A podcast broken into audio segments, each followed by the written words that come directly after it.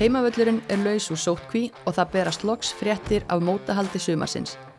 Landslýsfyrirliðin er orðið við besta félagslið heims, leikjahæsti leikmaður efstu deildar fyrir við stórfurðulegt undirbúningstímanbill, við ræðum erlenda leikmenn sem hafa sett mark sitt á íslenskan fókbólta og besti miðjumæður síðasta sumars velu sína erfiðustu mótherja.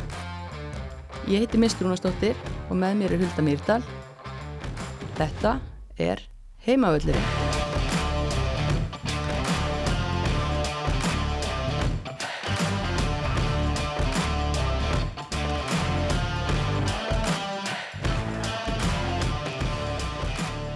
Gleðilegt sumar, Hulda mín.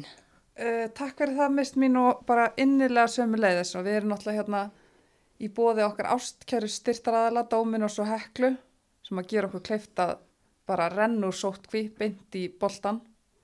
Þakkum þeim bara kærlega fyrir það. Heldur betur. Og það er loksins eitthvað að frétta. Já, á hverju, já, náttúrulega komin dagsetning á mótið, svona cirka viðmið, Já, miðjan júni. Fyrir huga að byrja deilt, í, já, meðan júni. Byggar í kringu 5. júni.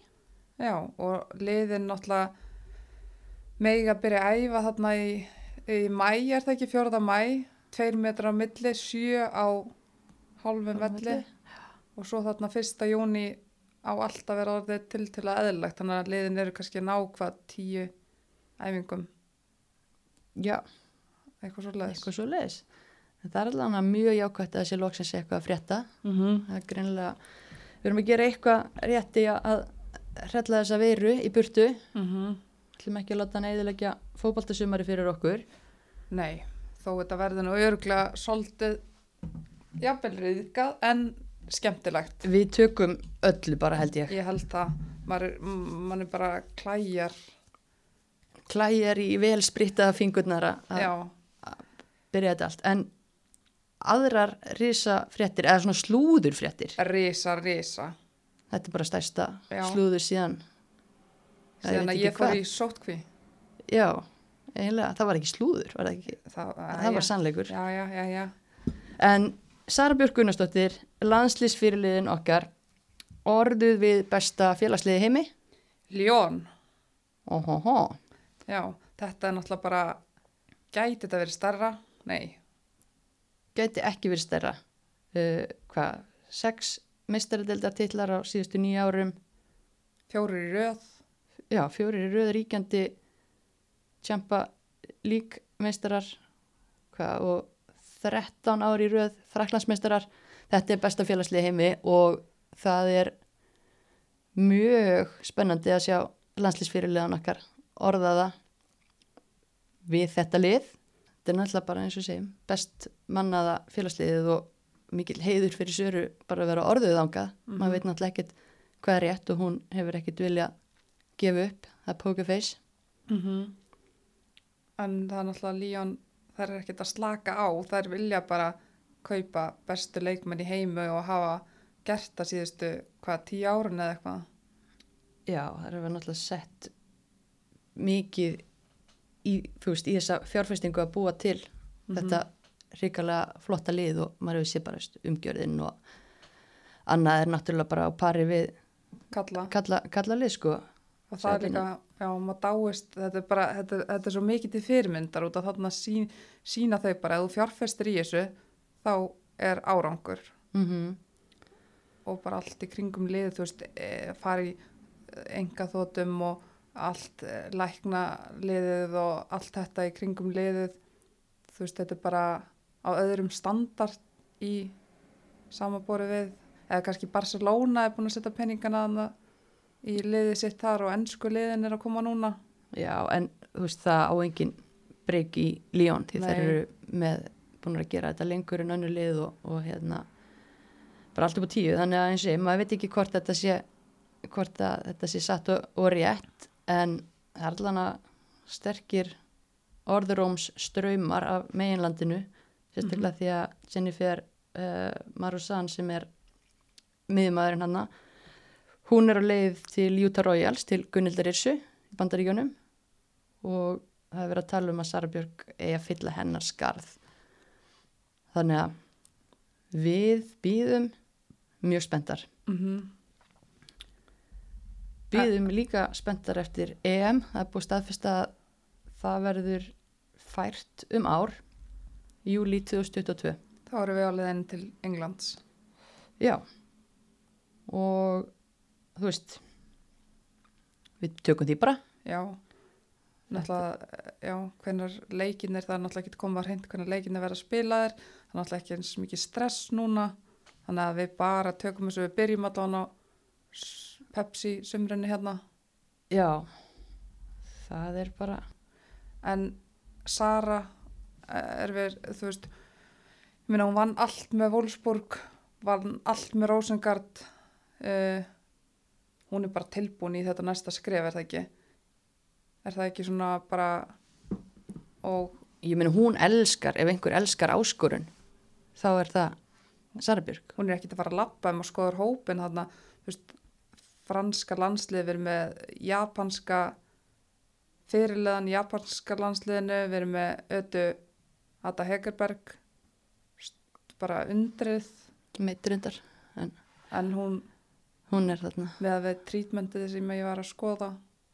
Er að, þá er hún að fara það, þá fer ansi vel um hann og hún verður komin inn á vellin bara já eins fljótt og, og hægt er en þú veist þetta er svakalegt lið hún er ekki að fara að mitt hún lappar ekkert inn í liðið þarna. Og ég held að Sara elski það líka bara að þurfa áskorun og mm hún hefur staðist þar, þar sem hún hefur komið hinga til þannig að Mhm. hún ræðist ekki á garðin þar sem hann er legstur en það, það væri það ekki í hennar anda. Nei, alls ekki. Það var bara, já, vonum að þetta gangi eftir. En ég verða að nefna annað líka, ég satt í gær og horfði aftur á þáttin með Elisabethu Gunnarsdóttur áskorun á sjónvarpi Símans. Þetta hér að fylgjast, ég viss ekki að hún hefði lagt svona mikið á sig til að Þetta? verða þessi svakalegi þjálfari sem hún er. Ég vissi að hún var ákveðin og, og með markmið en þetta var skemmtilegt að horfa á.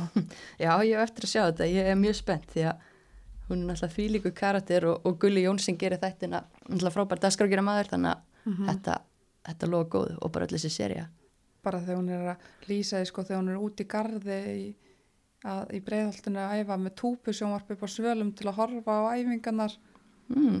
og reyna að vera betri hún segir það sjálf hún, hún fór úr því að vera kannski lélegu leikmaður í ágetan leikmann skilur en hún var alltaf vildi vera þjálfari og, og bara þegar hún var mætt eh, ætlaði að fara að horfa þegar hún var að fara að eiga batn og á valstelpuna sínar og allt þetta þetta er bara, þetta er magnað og ég mæli með að fólk horfa á þetta. Það vantar fleiri svona konur.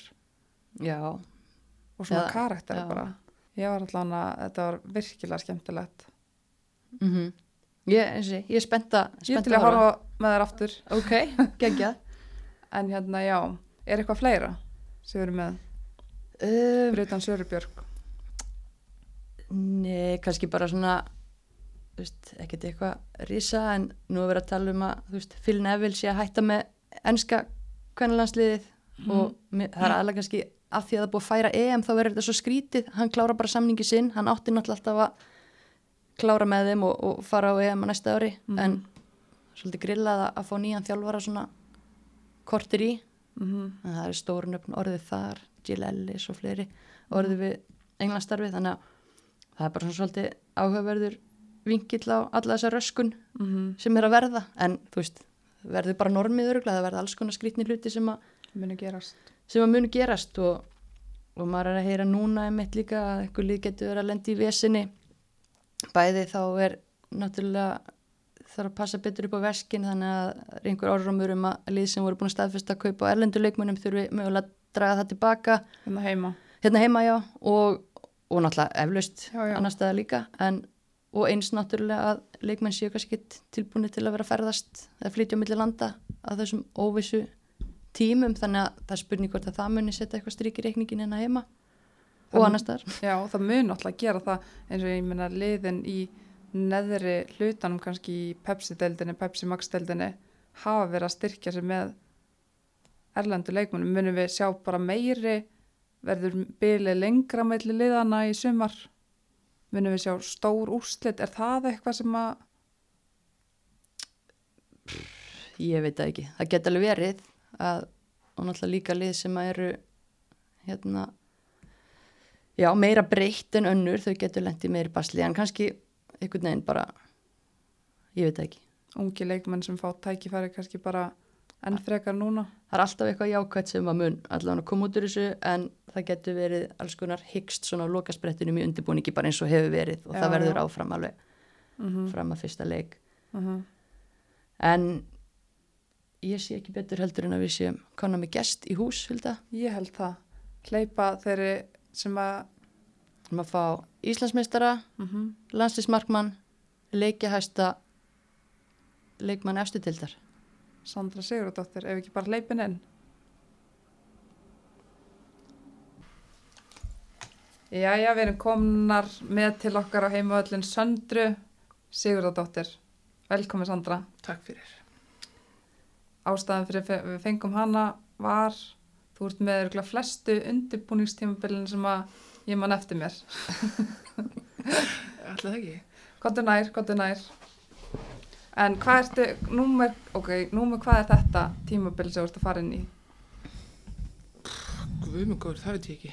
Ég held að mist getur svarað þessu fyrir en ég sko. Já, ég segir það Þú ert að fara inn í 20. tímabilið þitt í meistaralokki Sandra Sigurdóttir Vá, og það er ekki hérna, ástæðilösa að þú ert leikjahæst í efstu tild sæl. Já, Er, ok. þetta, er þetta skellur? Er erfitt að heyra þetta? Nei, nei, nei, nei, ég, veist, ég, ég pæl ekki svona sko, en smá skemmtilegt. Mm 20, 20 ástæða á það ekki verið eitthvað eftirminnilegt, þetta verður það, heldur Mhm. betur. -hmm. Byrjar einmitt eftir minnilega Já, eiginlega bara skringilega, eða, ef það byrjar. Mm Já, hvað, það komu náttúrulega fréttir stemt á að byrja deildum um meðjan júnimánuð Ertu, ertu ekki bjart sín, ertu Jú, jú, jú, jú, auðvitað er í það. Það, hérna, það hefur allt gengið rosa vel, held ég, hérna almennt á Íslandi. Þannig að, jú, jú, jú, ég er það, ég er bara spennt, jú. Þeir spilið síðasta leikin ykkar 28. februar mótu stjörnunni í lengjunni svo er bara lengjan blásun af þarna Já, og hvað er svona búið að vera frétta bara síðan herðu, við fórum náttúrulega hérna landslið út, þannig að pínandar og spilum þar og það hafi hjálpað sálinni mikið að komast í smá sól eftir, eftir erfiðan og þungan vetur, viðfarslega.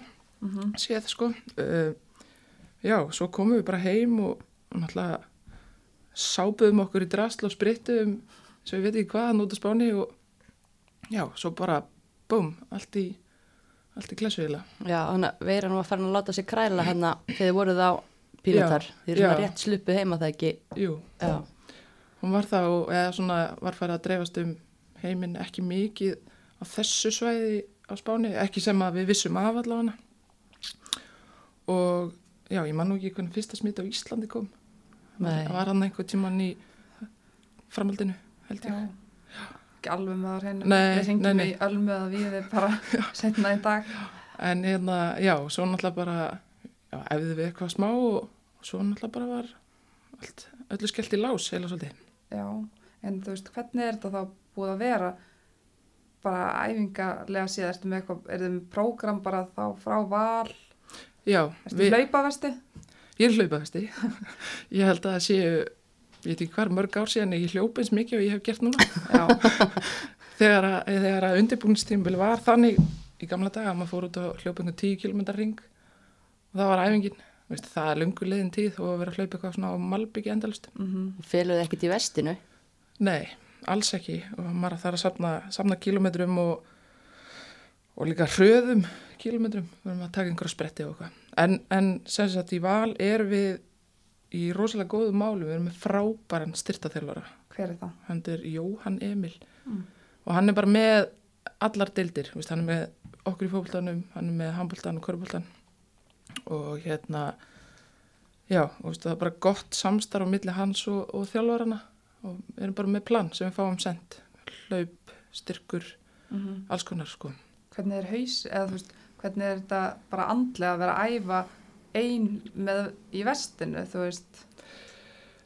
Ég viðkynna alveg að það er erfitt, Mm þú veist, nú er ég hérna, einmitt ekkert að yngjast.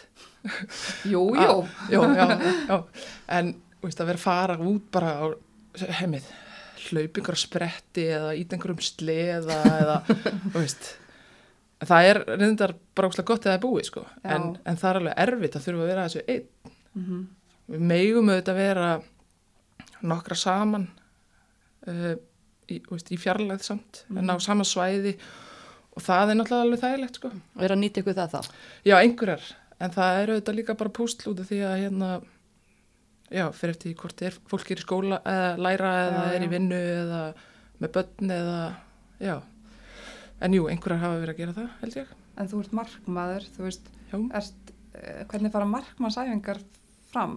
Uh, ég náttúrulega má ekki æfa með þjálfara, Nei, en, en hérna hef bara reddað mér, þú veist, sjálf, ég er með bolta sjálf og, Já. og hérna, er bolt og veggur eða? já, svolítið þannig, en svo bara blikkaði ég aðra markmenn í, í klubnum og hérna við höfum svona verið að hjálpa, hjálpa hvert öðru. Þannig að þú nærði alveg svona að halda þér, þeir eru náttúrulega sér dýra, dýra tegund, markmenninni, þurfið það. Það er ekki nóg að hlaupa bara.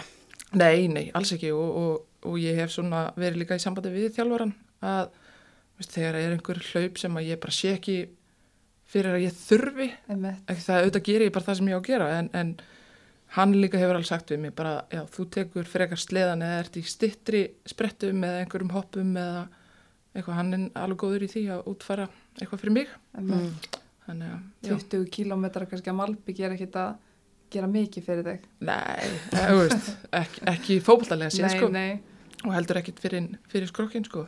nei.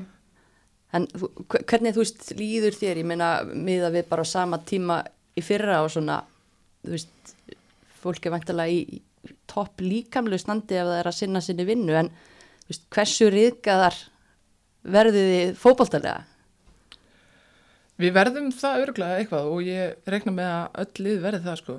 En, en hérna ég held nú að langt flestar séu búin að vera í einhverjum sendingum eða einmitt sparki vegg eða já, hans að klappa boltanum bara mm veist, en þó að það sé ekkit eins og að vera í uppspili eða einhverjum færslum eða einhverju Mm fótboltalegu dóti sko. Uh, ég held að það muni alveg sína eða sjást í Mótinu sumar. mótinu í sumar sko að þetta hafi verið svona öðruvísi en einmitt ef öll lið er búin að vera að æfa eins og já, bara við eða já, svona önnu lið sem maður heyri þá var allir í allavega hörku standi trúgjöru Mhm. En er, þú veist, nú er valsliði náttúrulega margillara að setja skóna á hilluna, annars er, er það að keira á svipum hóp með nokkur góðum viðbótum. Heldur að það sé hérna kostur, þú veist, fyrir ykkur og meðan að önnuliðin eru kannski að koma meira breytt til leiks? Ég veit ekki, já það geti alveg hjálpað okkur svona ef, að, ef að við myndum skoða það frá þeim vinkli en veist, ég veit ekkert hvort að það er það sem mun skipta máli í sumar það er bara, einmitt, hvernig hausin er stiltur og hvort allir séu klári sko. ég held að verða, við verðum örglinn svo beljur á vorin sko. Veist, Það er svo spennt. já, Allar drillur. Já, ég finn bara að hérna, veist, ég sakna þess að mæta á æfingu með Mhm. liðinu mínu, sko. Veist, nú finnum maður alveg af hverju maður er ennþá eða er í fótbolta yfir höfuð. Veist, Mhm. Það er bara svo ógislega gaman. Mhm. Þegar þú getur ekki mætt á þínar plönu æfingar með öllum, að það bara, veist, Mhm. það vantar bara eitthvað í líf mitt. Engin bandir. Nei, veist, og fyrir þetta að ég má heldur ekki vinna þannig að ég er bara eitthvað að klóra mér í síða hárinu mínu hérna allan daginn, sko. Og býð eftir að fá að fara í klippingu. Nákvæmlega. Ég get klipptið hérna eftir þá, það er ekkert vandamál. Hassam og þeir. Gekk, gekk vel með það síðast til það. Mm. En hver, ok, hvaða, hvaða klefa félag saknar svona mest? Ert ég frákvörum frá ykkurum, ykkuru brandarakellingunni í klefanum? Ég held að sakni mín bara flesta sko. Nei, tjók. Jú, örglega.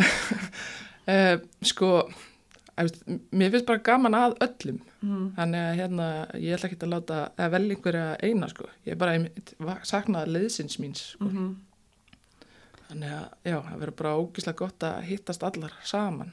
Þó það megi ekki strax eitthvað chillin í klefa sko. Sittum við bara í ringurgla með vellinu með eitthvað. Er þið eitthvað búin að vera á Zoom? Nýta ykkur það? Já, já, við, erum, við tökum alveg, já, tvisar viku allavega. Er þið þá að æfa í gegnum Zoom eða er þið bara spjalla og mitt segja klefabrandara? Herðu, það hefur verið bæði aðalega náttúrulega hérna æfingar Já, þar sem að styrta þjálfarinn okkar er að stjórna því sko og það er bara mjög erfitt sko mm. en það er fínasta tilbreyting samt að vera ekki ein, þú veist, að ein- heyri ekki neitt í kringum sinn nema kannski ein tónlist eða eitthvað en, en hérna, já, bara sjá aðra vera að gera með sér og, og já, skjóðin bröndurum og svo spjöllum við í lokin Mhm. þannig að við höfum nýtt okkur þessa tækni sem er mjög sniðug Já, einmitt. Mm Er þið eitthvað pæli hvað hinliðin er að gera?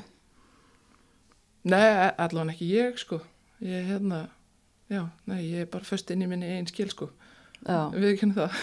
Er, en þú veist, líka bara við höfum alltaf haft þessi undirbúningsmót og svona náttúrulega til þess að svona, taka status, hvar stöndu við. Ég veit að þið voru ekkert eitthvað hoppandi kátar eftir Reykjavík, Reykjavík, Reykjavíkur móti til dæmis og svona, er óþægilegt að get ekki svona borið sér sama við aðra einhvern veginn á þessum tímpunkti Já, já, veist, vissulega er það smá, við værum til í að vera að spila og, og slípa okkur saman út af því að einmitt eins og segir þá byrjuðum við einhverju tjóðs brasi á, á hérna þessu ári eða, eða svo leiðis uh, þannig að auðvitað hefur þurft þessa leiki til þess að vera í besta forminu eða bæði líkamlega og veist, fótballtalega séð. En, en hérna ég held alveg að, að sko reynslan okkar geta alveg hjálpa okkur eitthvað þannig Vistu, kunnum þetta allar og hún alltaf hinn liðin, vistu, kunnum alveg fótbolta sko. Svo er þetta bara spurning um hvernig við Mhm. smellum sko. Reynslu mesta liðið og, og ríkjandi Íslandsmeistarar, það er þetta að vinna með það? Já, já, auðvitað er hægt að vinna með það. Það getur líka unna á mótum manni sko. En, en hérna einhvern veginn finnst mér sko núna, veist, einmitt það sem við erum að gangi í gegnum í samfélaginu og, og í heiminum öllum að allt sem við höfum gert áður, ég held að mun ekkert endilega skipta öllum máli sko. Þetta Nei. er eitthvað svo öðruvísi, við munum koma öðruvísi inn í þetta mót þegar það verður spilað. Pluss að mót skipulaði verður allt öðruvísi en það hefur verið áður, áður. mm maður er að heyra eitthvað að það verður kannski tveir, þrjir leikir á viku eða Mhm. veit ekki, þannig að takturinn verður bara allt annar sko. Það er gaman að fylgjast með þessu.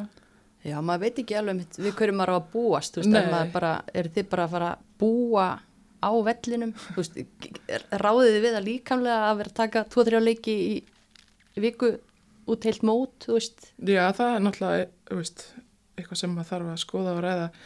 Að geta það ekkert allir hvort sem það er í hvenna eða kalla leiði sko. Mhm. þannig að ég held að þetta verði að snúst líka um svolítið klókindi hjá þjálfurum liðana sko. Mm það ég myndi halda það sko. Mhm. þannig að hérna já, það við erum náttúrulega bara allar á, á mismunandi stað hvað varðar bara hvað gengið í gegnum meðsli og annað slikt sko þannig að þetta verður, já, verður bara svona vand með farið en, en spennandi líka og já, það verður lítið þá andrými vantarlega fyrir leikmenn, þið verður bara, Já, maður verður bara alltaf að vera klár í, í næsta leik, það er bara það svolítið þannig að þið er ekkert að, að dvelja við eitthvað, eitthvað sem er liðið sko. Mhm. ertu spennt fyrir þessu óvissu móti eða stressuð? Um, ég held að ég sé bara mest megnis spennt sko. Ég, hérna, já, já, ég bara vil komast út úr því sem við erum að gangi í gegnum núna. Það er svona nummer 1 og 3 sko. En veist, ég veit líka alveg að, að hérna, þetta hverfur ekkert eitthvað fjórða mæi eða hann að meðan júni. Veist, ég held að við verðum að díla við þetta allt saman, veist, þess að tvekja myndara reglu og spritt og ekki knúsast og eitthvað Mhm. Gott að vera í markmannsönskum. nákvæmlega. það er að vinna með mér. Já. Uh, já, ég held að verðum að díla við þetta út alveg árið, reiknaði með Mhm. sko, eða allavega fram á haust sko. En eins og landslýsverkefnin, þau voru náttúrulega blásin af hundfúlt, Já, mjög. þú ert búin að vera að spila og, og, og, og svona, veistu eitthvað hvað hérna, hvernig, hvernig þau standa, er eitthvað að frétta þar? bara hef ekki hugmynd sko. Ég veit bara náttúrulega bara að það sem að hefur verið í umræðinu og búið að staðfesta núna er að, það er búið að fresta EM um ár. Uh, þannig að já, núna þarf náttúrulega bara að sjá hvernig veist, raðast upp leikir og, og undirbúningur fyrir það að komast ángað verður sem við ætlum okkur náttúrulega. Þannig að já, það verður forvitnilegt. Vonandi verði einhver verkefni á þessu ári. Ég trú ekki öðru en að verði í Það seint, kannski. Já, þetta er samt svo, þetta er náttúrulega svo margt sem helst í hendur skilur þó Jú, að jú. Ísland sé að standa sig vel í þessum COVID-málum öllum þá náttúrulega er svo mismunandi status allstar allstar í heiminum þannig að, að hérna, maður er ekkert eitthvað gargandi spenntur að fara að fljúa eitthvað það sem að þú veist, mörgundruð eða þúsundir manna hafa látið lífið eða er smitaðir, ég viðkynni það fúslega sko, Mhm. það er náttúrulega maður verð, fer náttúrulega bara að hugsa um það í, í þessu ástandi, það er meira í lífinu en bara fótbolti sko, þannig að ég vona bara að það er ákvarðanir sem verða teknar, það er verið teknar á skynssamlegum nótum, hvernig þeir ræða svolítið niður sko. Já, og það, já, verður maður ekki að búast við því bara fyrst að það er ekkert að frétta ennþá, sem er bara gott í rauninni þannig að, Jú, ég held það, ég veist, út af því að líka voru hann að mikilvægi leikir hjá strákunum sem að, það er fyrst núna sem maður svona farin að sjá, jú, þeir verða kannski spilaðir hann, hvað er ekki nómber eða eitthvað, mm -hmm. nómber, dismir, ég man ekki, Já. þannig að hérna, all hlýtur að fara að koma eitthvað. já, meiri tímapressa náttúrulega að kalla með einn fyrst að þeirra mót verður Já, já, ári. ég skil það, þannig að þá kannski er svona ekki sama stressið, þá er rauninni kannski missum við bara út þetta ár og þá er þið kannski bara byrjað á sem voru leikjum á næsta ári, eða hvað, ég, Já. já. ég ger mér ekki alveg grein fyrir því. Nei, það er eiginlega erfitt að segja bara, Já, ég held að sé, ég held að sé ekkert grín að vera í þessari stöðu að þurfa að plana eitthvað Nei. svona í, í þessari óvissu, sko. maður á bara nóg með Mikið daginn ábyrgð. sinn einhvern veginn og hvert maður má ekki fara. Já, nákvæmlega, nákvæmlega. Já, En það ég, er allavega, já, jákvæmt að, að það er eitthvað að frétta af Íslandi, að, hérna, eitthvað svona ljós við, hvað sem er ljós við sem við getum hort til og svo verður bara komið ljós með, með hinn stóra heim. jú, jú, já, ég held að það sé bara svona ein vika í einu, eða eitthvað. mm -hmm, það býða allir bara spenntir eftir að mitt að fá að komast út og spila. Já, ég held að það sé svolítið þannig, sko. Já, mitt. Það verður forvitnilegt að sjá hvernig þessi fyrsta æfing verður. Það verður bara, já, það verður örugglega bara útlæg gaman. Já. En hvað þá megið þið vera sjö á hálfum velli, er það ekki Jú, það er fyrirmælin? jú, ég held að sjö á hálfum velli, þannig að það þýðir alveg 14 manns inn á heilum velli. Það er hægt að gera helling, Já. helling með það, sko. Hvað er þið margar í æfingahófnum? Hátt í 20, held ég. Já, Já, þannig að þetta er þetta kannski í einhverjum holum, sko. ég veit að, veit að hérna, þjálfartími er að, er að skipulegja og plana og eitthvað. Er Pétur búin að hafa tíma í það? Ég sá viðtal við hann í sjónvarpinu, hann segist vera búin að vera að æfa sig á gítar. Herði, já, ég frétti það. Ég, ég er reyndar ekki búin að sjá þetta sjálf, en, en hérna, hann allan að dettur þó í skipulagningu í þessari viku, le leggur gítarnum. Ég væri reyndar til að sjá hann spila. Ég væri til það líka. Ég var einmitt að pæla hvort þú hefðir eitthvað áhyggjur af því að, að hann færi kannski að taka gítarinn með sér í, í klefan. Ég, ég er bara að vona það. Þú vonar það? Ég held þú bara að fara að segja, ég vil að vona það ekki, en Jú, ég, ég væri bara hvað lag væri til að heyra Pétur taka? eitthvað eitthva íslenskt gamalt og gott. Hann myndi klálega að gera það, sko. Já, Það er ekki eitthvað bítla, Já, eitthvað. eitthvað svona, með að við hárið í byggjarhús þetta hárið sem var Jú. líka til umræðu. Já, nákvæmlega. Já, hann tæki einhvern gamlan góðan slagara. Já, Já hann er geggju, típa, það verður gaman að sjá hann vonandi með gítarinn til í það. en er ég þá næst með spurningu, spurninguna mína? Endilega. Sandra, þú ert komin í feitt hérna þetta. Ég sem spurningu og þú mátt líka reyna að svara. Þetta er samt örgulega oflétt núna. Þetta, er samt, þetta heitir spurning, ég vil segja spurning hún er það góð. En ég ætla að spyrja ykkur og þeir að svara og uh, þeir með bara fara í keppni. Nei, nei, ekki, engin keppni. Ok, hver, hver hefur hérna oftast, ok, orðið markadrottning frá 2010 til 2019 á Íslandi. Harpa. Harpa, myndi ég ekki, sko. Hvað hefur hún orðið oft? Hvað heldur að ég sé alveg ekki það minni? Þrísar, Með hefur tipað það? fullari virðingu fyrir hörpu minni. Hvað, hvað ár segir þau? Í 2010 til 2019. Oh my god. 2016 allavega. Er ekki þrísar? Ég held- Sandra, að ég, liði? ég veit það. Ég pæla ekki í svona tölfræði. En ég minna Harpa að hafa eitthvað talað um þetta ef hún hefur verið að vinna þetta. Já, maður lærir svona í kringum hann elsku hörpu að maður svona, já, heyrir en, þú veist, er samt ekki að hlusta á Talar það. hún Nei, mikið? joke. Nei, hún er skemmtileg. Hún er skemmtileg, já, hún er það. Þannig að þið ætlið að hérna gíska á hörpu. já, er það ekki. Já, Erum við eitthvað að skýta á okkur? það veist, mér finnst hvernig hún segir það, þá er eins og við séum að því. Og svipurinn gefur það til kynna.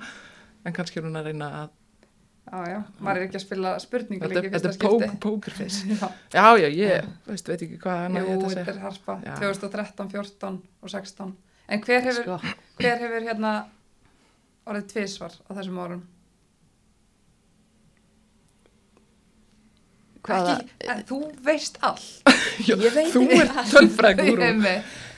Sandra, hver hefur orðið tvísvar? Markadrottning.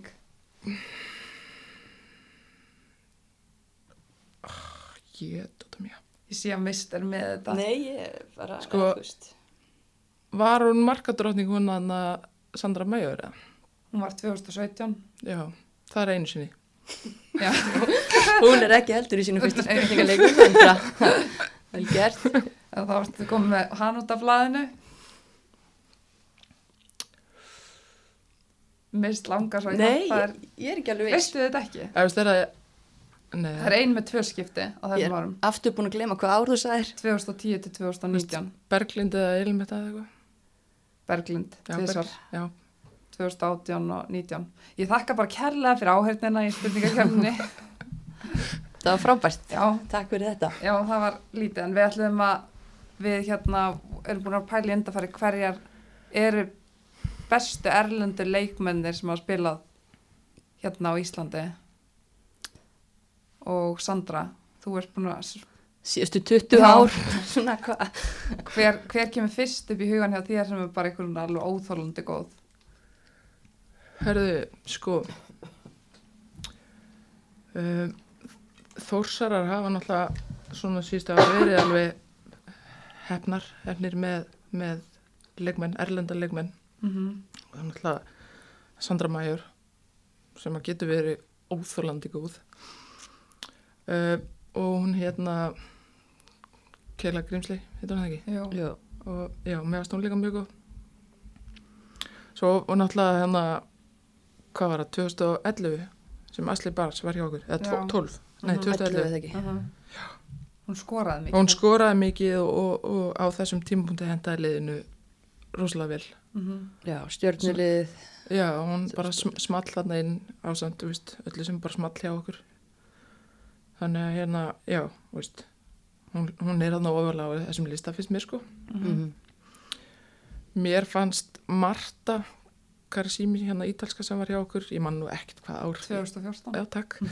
En hvað var hún gömul þá? Og það hún leit út á velli fyrir að vera eldri kona svolítið. Sko, hvað var ég, ég held nefnilega hún sé hjá mér. Já, ok, Það passar, þetta var, eldri kona. þetta var samt ekkit endilega, ó, eh, hún var ekkit eitthvað veðrið að þannig, það var bara einhvern veginn lúkið á henni eins og hún bara, hún var Já, svo ég- ófóbalta. Já, ég, ég skil gott við. Já. Hún var bara á, á mjög góðum aldri þarna 2014. Það var bara greiðslan, var Já, ekki bara það ekki. greiðslan. Og eitthvað svona einhver holning. En hún var ítölsk. já, og er. Og er á lífi.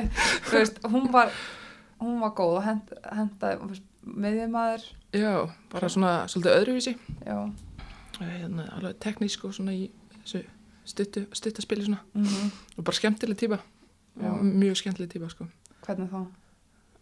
Bara let, fólk heyra en, en svona, já, grínast og já, bara ítali, ég veit ekki hvernig, hvernig myndir að lýsa ítala. Bara, hávær. Hann talar samt mikið með höndunum. Já, ömmitt ákveðin bara, já. Já, kol, kolvetni. já, nákvæmlega. En hún var samt alveg standi. En hérna enn eins og að spila með þú veist vorum að fara yfir þetta eins og bara danka. Hún verður Íslandmestari 2014 og 13 held ég með stjörnunni. Hvernig var danka við náttúrulega að spila með fylki í BF Keflavík. Hvernig var að fá hana í liðið? Herðu, það var bara styrkur. Danka er hérna eða var, er hann ekki hætti fólkla ég held að, að ég veit ekki. En allavega, uh, mjög góður leikmör, klók og, og bara með svona vision og góðan fót og, og svona, en, en hérna elskaði svo sem ekki að hlaupa of mikið og, og hafa of mikið fyrir hlutunum þannig að þetta átti bara að vera easy, þannig að hérna ég held að það sem hafi gert hana góða var að, að aðri leikmenn fóru þá að vinna meira hvort sem að þeir sáu það eða voru með klókan þjálfara líka.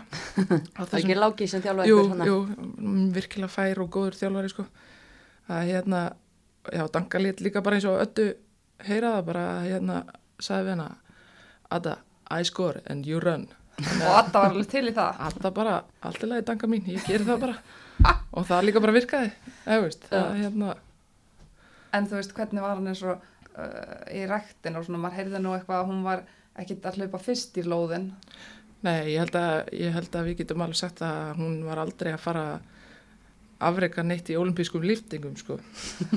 Út af því að hérna ég held að mesta sem hún tók var bara kústskafti sem var út í hodni sko. Já, þetta var ekki fyrir hanna Nei, nei, nei, liftingar ekki fyrir hana, nei, nei, nei, nei. en hvað sa- sagði Láki við því, var hann Ég held að mér minnir að hann hafi bara lítið verið að pæli því. Já, og, er og, að skila sínu? Að Já. að og hérna var nú meira bara þá veist, styrta þjálfarinn sem kommentaði á það en, en Danka bara gerði bara það sem hún vildi og ætlaði að gera sko. Já, og það var nú önnur sem að kom á sama tíma og danka til Íslands, hún Vesna sem að hún er alltaf búin að vera liðsfélagiðin í Val. Já, á hún ekki, hérna, verður ekki að setja hana á þennan lista? Jú, mér finnst hérna vestnaði bara bæði frábær stelpa og hérna já, mér finnst hún ógísla góður leikmar hún er líka ógísla klók og, og góði fókbalta það Mhm. vitaði ekki allir, finnst mér. Og mér finnst hún hafa bara svona verið eina af þeim leikmennum sem að eina af þeim leikmennum sem að vera betri með árunum. Og hérna vissulega hleypur hún aðeins meir en danka svona en, annari stöðu. Mhm. En hérna, já, bara helviti seg Er hún að æfa núna? Uh, núna, ég veit það ekki. Ég veit ekki alveg hver staðan á henni er. Ég bara, Hún var aðeins með ykkur í fyrra eða ekki? jú, Já. jú. Svo bara hérna, hún alltaf spila ekki mikið og, og já. Hún er með spatt hvenar eru, Ekki tvö, þrjú ár síðan. þetta tvö, í tvö ár, þrjú ár. Ah, svona tí, tíminn bara tvö til fimm ár bara við erum ekki að stressa okkur á Nei. hérna Nei, nei, nei. þannig að ég, ég eiginlega bara verða að segja pass við þessari spurningi, ég veit ekki hver staðan á henni er en, en Mhm. ef að hún er í standi þá vil ég hafa hana í mínu liði sko Mhm. Mm. Við verði Íslandsmeistar 2014 og ætlaði að vinna titilin aftur 2015 nú er ég bara að rifja upp fyrir þér þau fáið tvo brassa þarna hvað, poli, hvað Poliana og og Fran, já.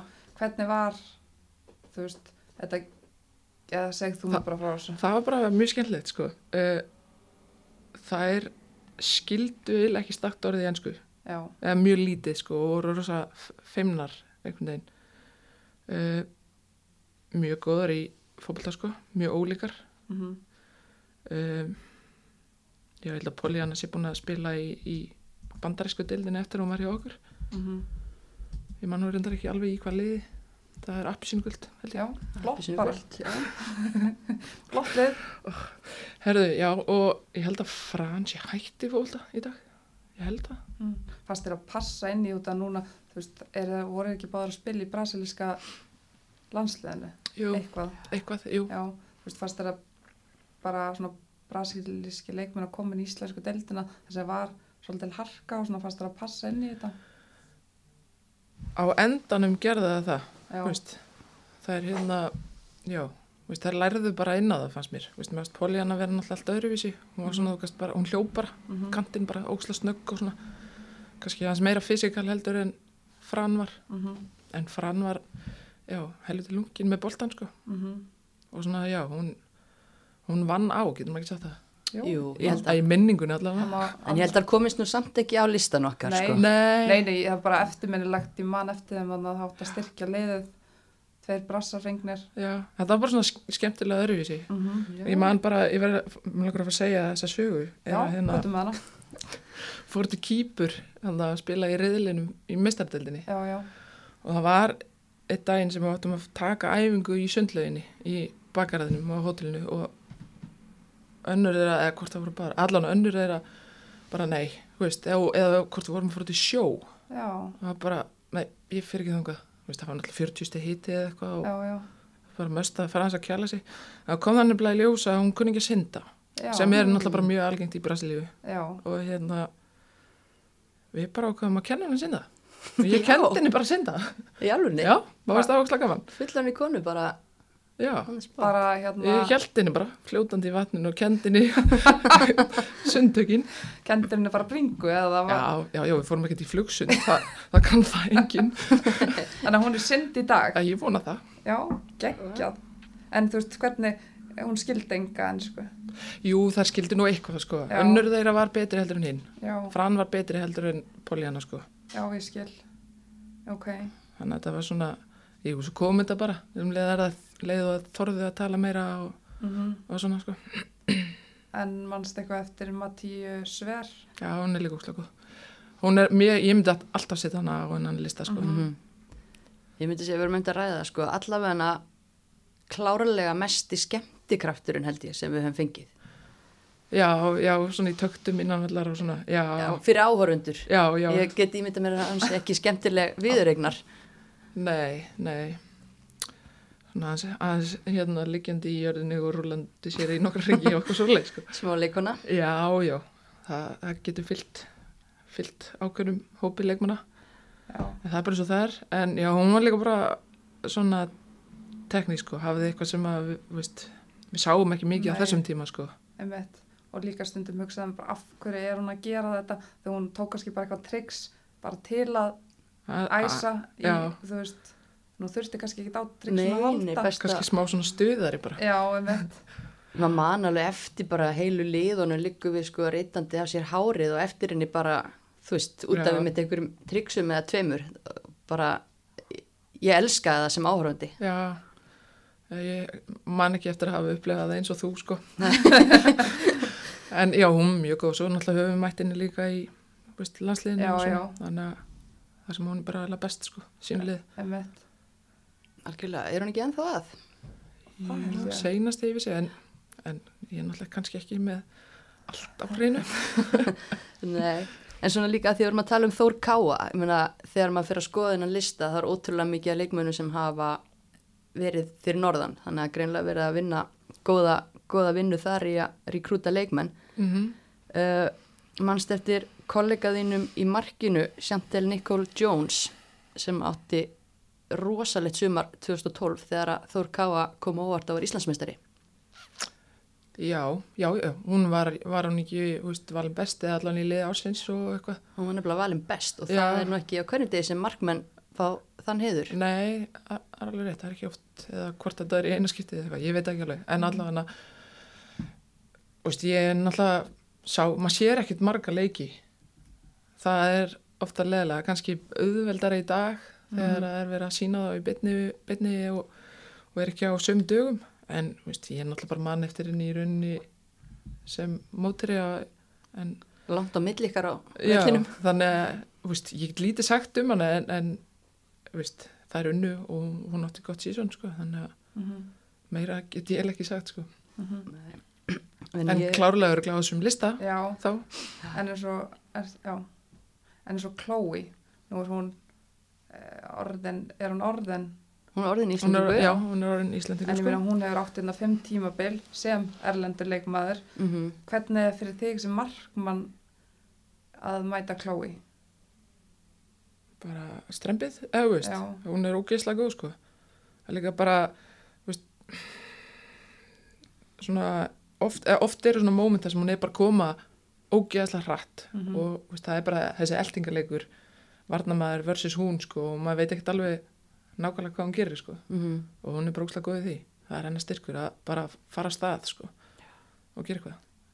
En hún er, já, á þessum lista. Já, er það ekki? já. Og svo líka verður maður að horfa sko, þú veist, hvernig ætla maður að með þetta? Eins og eh, tökum markmannin Chantel sem átti eitt tímbilina en bara, þú veist, stál aðtiglinni algjörlega með geggjari framstöðu eða svo ertu með leikmann sem að hefur einhvern veginn gert svo rosa mikið fyrir íslenska boltan eins og Chloe, Danka, Vesna, þessar stelpur sem mm. Mhm. spila hérna lengi Mm og þú veist, breyta svolítið leiknum Mattias Sver kemur til Íslands, hún breytir mörgu bara með, með því að koma aðra vittir inn þannig að já, þetta er svona já hvað þarf maður að hafa einmitt til þess að vera veist, á þessu lista nóg að bara vera rísandi stjarnar einu sinni, sky high Mhm. og svo, Já. já, þetta er góð pæling, sko þetta er ekki auðvelt. Nei, nei, ég, já, En mér fannst gaman að því sko þegar við erum að revju upp uh, leikmenn og leikmaður sem þú dundrar inn á Instagram í gær sem ég var svona semi búin að gleyma en var uppáhaldsleikmaður minn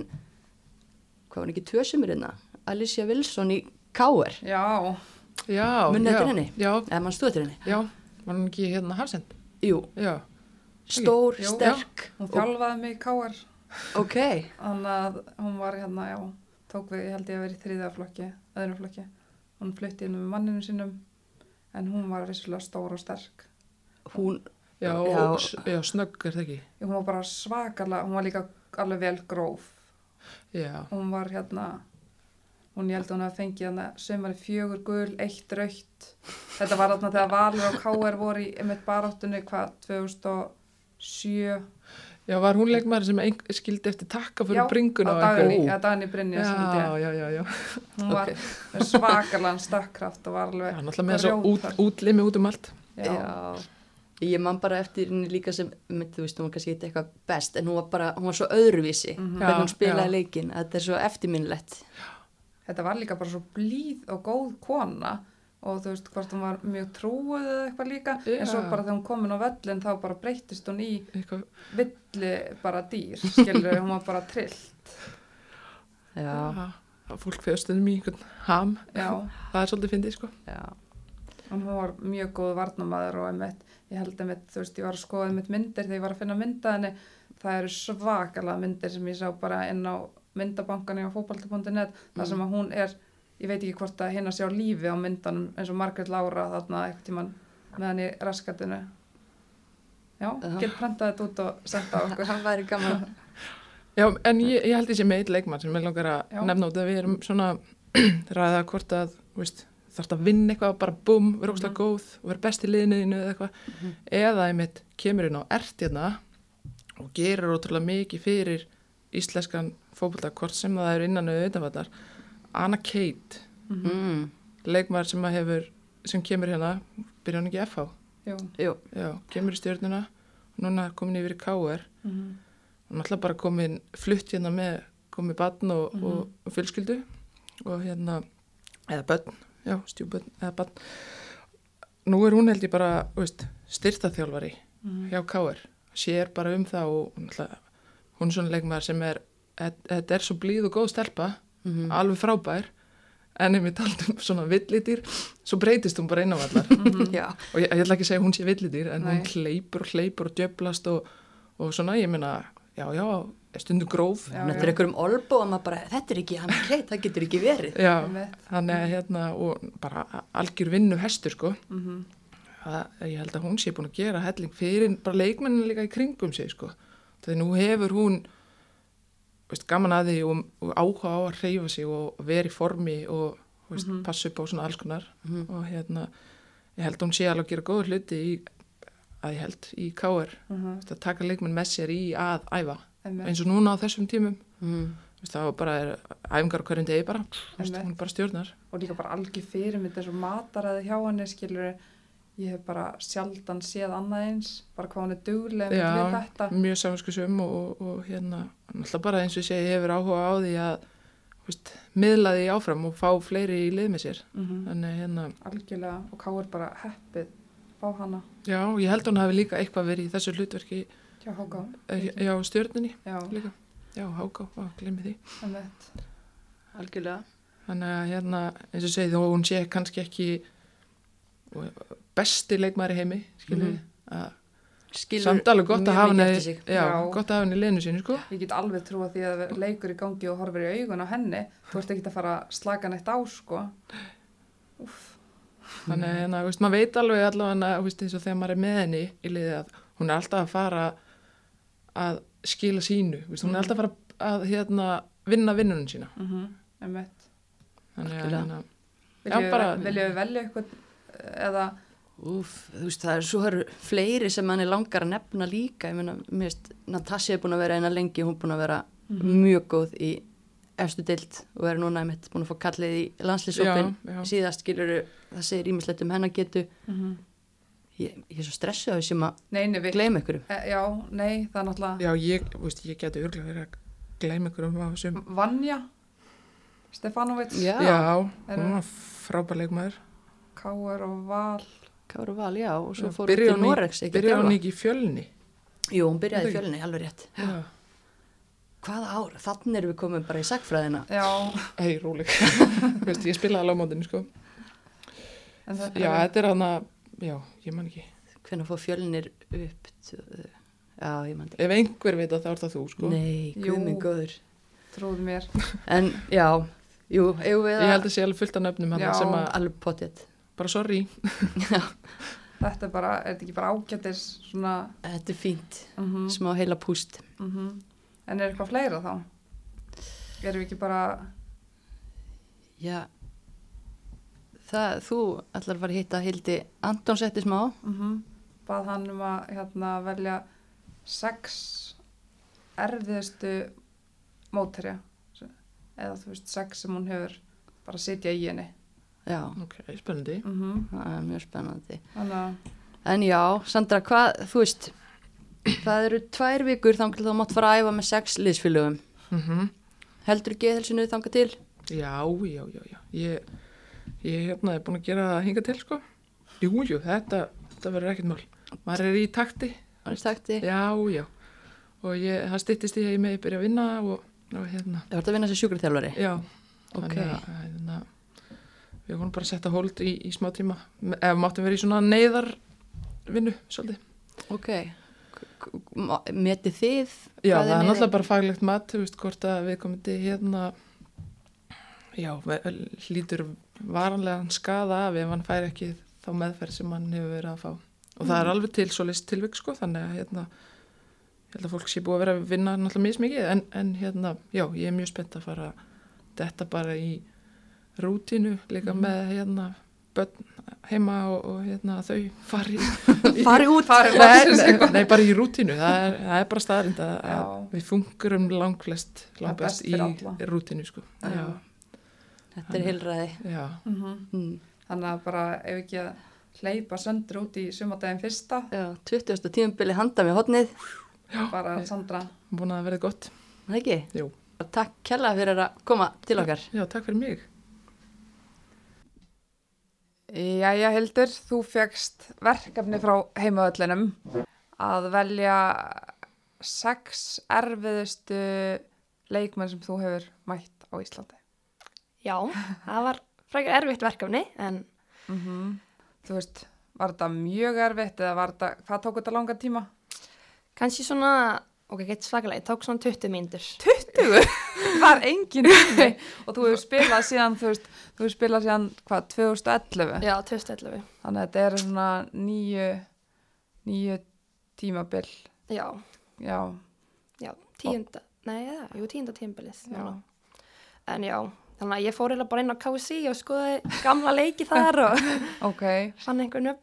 eitthvað svona sem að hefði farið kannski illa með þig eða eitthvað. Já, svona stundum sko.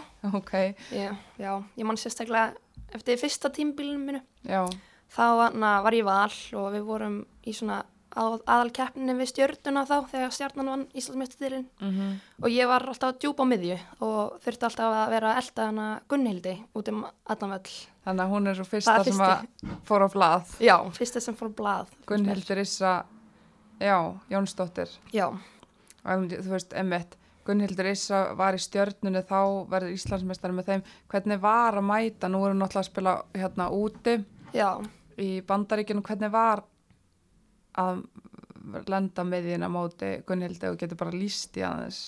uh, hún doldi langt síðan en ég man allan að við, vorum alveg í svona smá sl- slagsmálum því að á þessu tíma var ég doldi mikill svona ruslakall að þannig að hlutverki mitt var bara að hlaupa og djöblast í leikmönnum og vinna Já. boltan að þeim og gefa næstu sko og Já. hún er svona svipaða karakter og, og ég sko þannig að nema hún alltaf bara var fremst á miðinni og ég man alltaf, ég var þetta alltaf hún alltaf, þú veist, að hlaupa inn fyrir vörðuna og ég bara elda hana náttúrulega bara veit ekki hvað sem ekki hljópa eftir henni sko Jésús.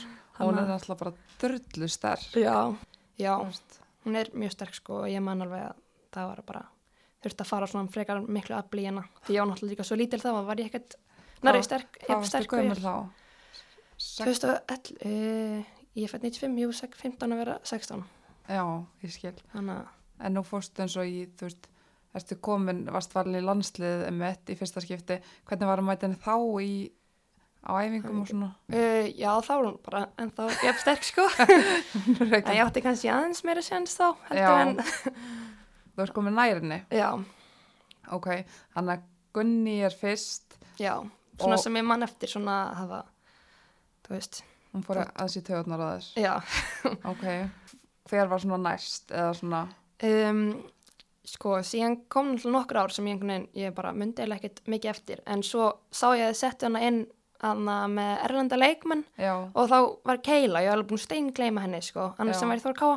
Kæla Grím, Grímsley, Já, Já. og hún bara mjög góð, ég man eftir, þú veist, hún bara, þegar Þór Káa vann þannig mitt, þá bara lagði hún upp þó nokkur mörg, sko, var eiginlega bara aðar, uh, fannst mér svona, hvað segir maður, uh, playmaker já, í, jana, í því liði. Og ég lendi ofta móti henni teknísk og þannig og ég nein, ennþá ég rusla kalla að reyna að vinna boltana af henni og eitthvað, þannig að það var líka erfitt. já, hún var náttúrulega svakalega tæknileg líka, Já, tæknileg og bara þú veist, hugsunin líka þú Já. veist, þannig að það var alveg erfitt að spila mútið henni líka Það er verða þarna Íslandsmeistarar, já, 2012 og hún, já, er aðalkonan þar Já, með minni það sko og með mjög góða markmann, þar voru mjög Já. góða markmann líka, Já, en þú veist, þannig að hún var að spila miðjunni þá á móti þér. já, með minni það, ég ætla hana Já. alltaf Þú mannst eftir að hún hafi, hérna, þannig að þetta eru svona, ég meina hún er mjög ólík samt Gunni, skilur, hún er þarna meina sterka í Gunni og svo er hún tæknileg, Já, hvort er meira þreytandi. um, örgulega tækni læri, eh, ég held það já. Já, af því að það er aðeins svona ég gæti oft svona vera að íta og þú veist, vera að pyrra og fekk þá nokkur gul spjöldreindar á hóti svona sterkum, en tekniska þá komast þær oft fram hjá mér kannski ef ég var eitthvað ætla að æða í þær. Og þá náttúrulega bara þá er það farnar kannski. já, Já, allan á þeim tíma sko. Já, ég er búin að læra já, en þetta er náttúrulega, já, þetta er 2012, Já. þannig ertu bara krakki líka, já, þá er ég eitthvað s- já, 17, 17 já, þannig að, en, ok, þetta voru tvær, nummer þrjú, uh, Númer þrjú ef við ekki bara nefna hann bara Chloe líka, Anna já, í IBVF ég held að hún sé á, á, á lista hjá mörgum myndi ég myndi mér sko. Ég hef alveg fengið þá nokkuð gull spjöld líka að vera að stoppa hana eitthvað uh þannig að fara fram með mér. Hún er líka, þú veist, hún er þá að spila kannski bara, annarkvort, já, hún er að spila mikið, mjög framalega, Framar, fremst eða í hólunni, ég lendi ekkert oft í henni sko Nei. en þú veist, ég man, þú veist bara náttúrulega hún búin að vera svo lengi hérna að þú veist, maður mann bara eftir henni að uh alltaf einhvern, hún náttúrulega hleypur ótrúlega hratt með boltan og kemst svona bara fram hjá manni freka auðvitað finnst mér.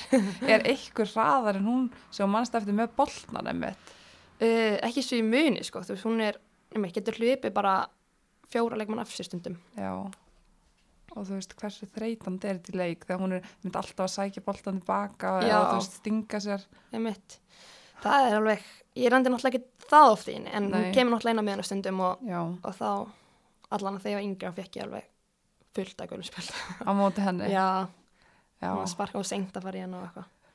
já. Þannig Ég skil og hún er líka, einmitt, hún er búin að vera hérna í mörg ár þannig að það er kannski, það, væri örugglega flestir með hana Já, á þessum lista bara þreytandi já, að mætinni. mm Ok, þetta voru, það voru konum með þrjár. Númer fjögur er, uh, heru, hendum bara líka Anna Sandru Meyer, það er náttúrulega bara síðustu ár, er náttúrulega, sérstaklega árið þegar urðu, urðu það unnaður 20 árið, ég man, nei, urðu anna 2017, 17. já. þá voru náttúrulega bara geggið sko og Mhm. þá er mitt en, en líka svona eins og smá eins og keila sko, þú veist, teknísk og þú veist ég mitt, kemst einhvern veginn ótrúlega ótrúlega framhjá manni einhvern veginn bara þótt maður hefði gert allt rétt kannski Já. og þá bara samt komst hann framhjá Já, og þetta eru, bæði hún og Chloe er náttúrulega framalega, en, þú veist, já, en hún er eins og Sandra Meyer, hún var alltaf að leita tilbaka og, já, þú veist, var það kannski að fara í þitt svæði og mætti þín. já, stundum inn á miðuna sko, koma niður, sækja boltan og búa til svo eitthvað einmitt líka fyrir kantarana og framherrin og þannig að hún líka er alveg smá í því. Það er alveg, svona smá svipa á keila held ég. Já, en hversu tæknileg er, þú veist, maður hefur alltaf fylgst með söndru lengi. Já, hvernig er að spila móti hann, þú veist, hún er sterk tæknilega. Já, og þú veist, mm, já, það er eiginlega bara mjög svipað eins og ég segi, eiginlega bara smá með keilu líka, að þú veist, komast bara fram hjá manni já, með einu touchi, að, en, og lesa bara hvert maður, ég heldur lesa mjög vel, þú veist, hvernig maður er að verjast á móti þeim, Mhm. þú veist, og oft allan á þessu ári manni ég sérstaklega þá einhvern veginn komst hún oft fram hjá manni. Þótt ég var kannski alveg í bakin á henni og þá einhvern bara nota á mann til að snúa í hinn áttina eða eitthvað. Já, þannig að Úff, ég fæ bara, ég verð þreytt að hugsa um þetta þegar ég hugsa um hann að spila. Mhm, ok, og þá er einhver nummer 5 já um, ég ætla bara að nefna uh, Fandísi Anna Friðriks sem er í Mhm. val núna að ég, man, að ég, ég var náttúrulega í val fór svo í breyflik og Mhm. Fandís var þá í breyflik -hmm. og ég man að mér fannst allan æfingum mjög erfitt að að verðist henni og, og þú veist, og mér fannst það samt mjög gaman að því að mér fannst ég alveg geta bætt varnarleikin þá Mhm. og þá gekk ég að vera að spila móti henni þú veist, teknísk með góð skot þú veist, Mhm. næra skjóta úr ótrúlega sem stöðum -hmm. þannig að það, þú veist, fyrir það það var mjög erfitt og, Mhm. en það hjálpaði mér samt mjög mikið til dæmis að æfa með henni og mér fannst það ekki að sko já, hún er og svo líka náttúrulega bara þegar hún var í breyflik og ég var þá, þú veist, var ég líka að spila móti henni og mm það var alveg mjög erfitt. Og líka náttúrulega núna. -hmm. hún Einmitt. skipta. Emmett. og hún náttúrulega leitar þó hún sé á kantinu þá er, leitar hún mikið skotin á miðji og, já, og þá, hleypur inn á miðina og þá átt þú kannski að vera fyrir. Já, og reyna að leiða eitthvað annað Já. já, en síðasta á listanum? Já, síðasta var frekar auðvild sko, því að það er svona síðasta, ég, ég verði samsagt ekkert ótrúlega, já, mjög erfitt, ef maður segir það, að vera Mhm. stressuð ég er Mhm. ofta ekkert stressuð -hmm. að spila mútið leikmönnum eða eitthvað Mhm. hannig en svona síðasta sem ég var stressuð á móti það var hún Arnasif þá varst ég að dekka hann í hodni í síðustu tím og ég er náttúrulega örgulega hausinn minn en hún og hún er alveg sterkar en ég þannig að ég held hún að mér skora einhvern tímann á móti mér, ég átti að vera dekka hana já, og svo þurfti ég að dekka hana aftur næsta leik. Þá var ég smá stressuð já, og þú veist, einmitt reyna að leiða henni ekki að skora í hodni var frekar. Hvað gerur hún í hátnum eða þú veist hvernig, hvaða, hún er náttúrulega svakalega góð í föstum leikadriðum Já. en hvað er hún að brasa henni í tegnum þegar þú átt að fara að dekka hana? Hún er bara svo, svo sterk og þú veist og, og svo líka svo há að hún er einmitt eins og miklu hærri en ég og sterkar en ég þeir eru báðar mjög sterkar. En það var svona erfitt allan að, að dekka hana að því að ég, hún veist náttúrulega hvert hún fara og ég þurfti einhvern veginn að vera á tánum og þú veist í hvað áttan hún myndi að fara.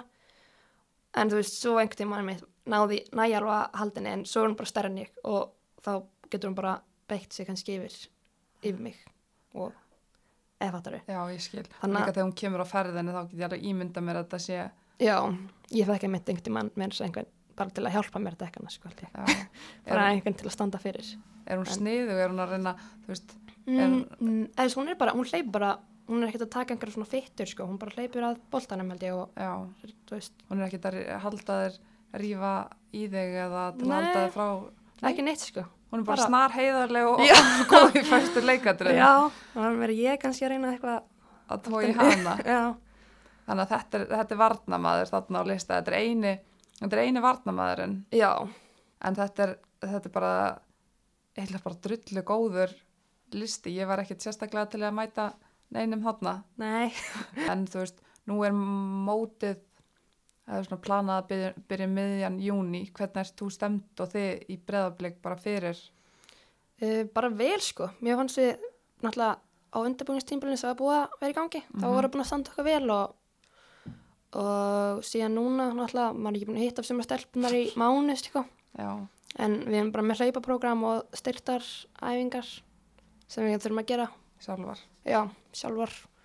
Uh, en ég er samt bara, þú veist, vel peppuð í þetta. Ég held líka að, þú veist, þegar maður má loksins fara að spila fótballtana, svo langt sem að spila, veist, það mun öllum finnast það svo ógislega skemmtilegt mhm, að ég held að, ég gæti alveg trúa í allt svona stress og, mhm, þú veist, alvaran, þú veist, þið finnst bara svo skemmtilegt að vera að spila að þú ert kannski ekki að hugsa það Mhm. mikið og þá oftast ef þið finnst skemmtilegt þá stendur þið betur mhm. og bara njóta þess að Já, einmitt, þetta er bara forréttindi mitt að fá að fara út af völl aftur og algjörlega sko. Það, ég held að það sé að fara að spila alveg stórt hlutverk. mm Bara hjá öllum liðunum, eða þú veist, ekkert bara breyðablík. einmitt, þannig að þú ert spennt fyrir sömurinu. Já, ég er mjög spennt. Heyrðu, Hildur, takk kærlega bara fyrir að koma og bara takk fyrir þetta. Já, gaman að heyra í Hildi, bara um, það jákvæða við þetta allt sem hann virðist vera hvað leikmennir eru ótrúlega tilbúin í sömarið spenntar að byrja mm loksins.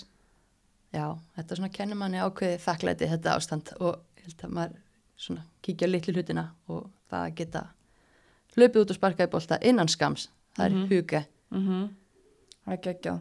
Já, En þetta er búið að vera flott hjá okkur í dag. Er eitthvað meira sem að, mm, það er bara kannski minna fólk að fylgja okkur á samfélagsmiðlum og við erum að vinna með svona aðeins öðru í koncept núna í leikmanni vikunar. mm -hmm. Við höfum verið að velja yfirleitt leikmenn sem að hafa verið að, að gera eitthvað á vellinum á þeim tíma en núna erum við að líta aðeins um öxl, ef svo Mhm. má segja. Velja konunar sem að, svona, hvað myndir þú segja, ruttu brautina, Já, það má eiginlega segja það. fyrirmyndirnar okkar. Mm Það er sem að bara hjálpuðu fótboltanum að komast á þann stað sem hann er. En það er líka pælt í því, eins og við settum Olgu inn. Olga gætt aldrei posta mynd á Instagram eftir sigurleiki og fengið eitthvað like Nei, þegar hún skoraði átta mörg eða eitthvað. það er ekki bara ágætt. Sleppa við þetta Instagram áriti. Jú, það er enda rétt, hún gær einbeitt sér bara að því að skora. Já, gerir nóg að því. Mm -hmm. En En nú það fyrsti, fyrsta kempan sem við völdum. mm spurning hver verður næst, það er á næg að taka. hvetjum fólk til þess að koma með tilnefningar, tilnefna sínar fyrirmyndir. Mm En erum við ekki bara góðar í byli? Ég held það, sömandagurinn fyrsti og 40 gráður úti, Já, svo Sirka. gott sem. svo cirka bara. Þannig að ekki bara þakka styrtalarunum okkar aftur. Takk Dominos og takk Hekla. Mm Takk fyrir hlustendum. Og, Takk mist fyrir að vera Já, og ekki síst þér, Hulda mín, fyrir að vera þú. þú. Já, bara takk fyrir að hlusta.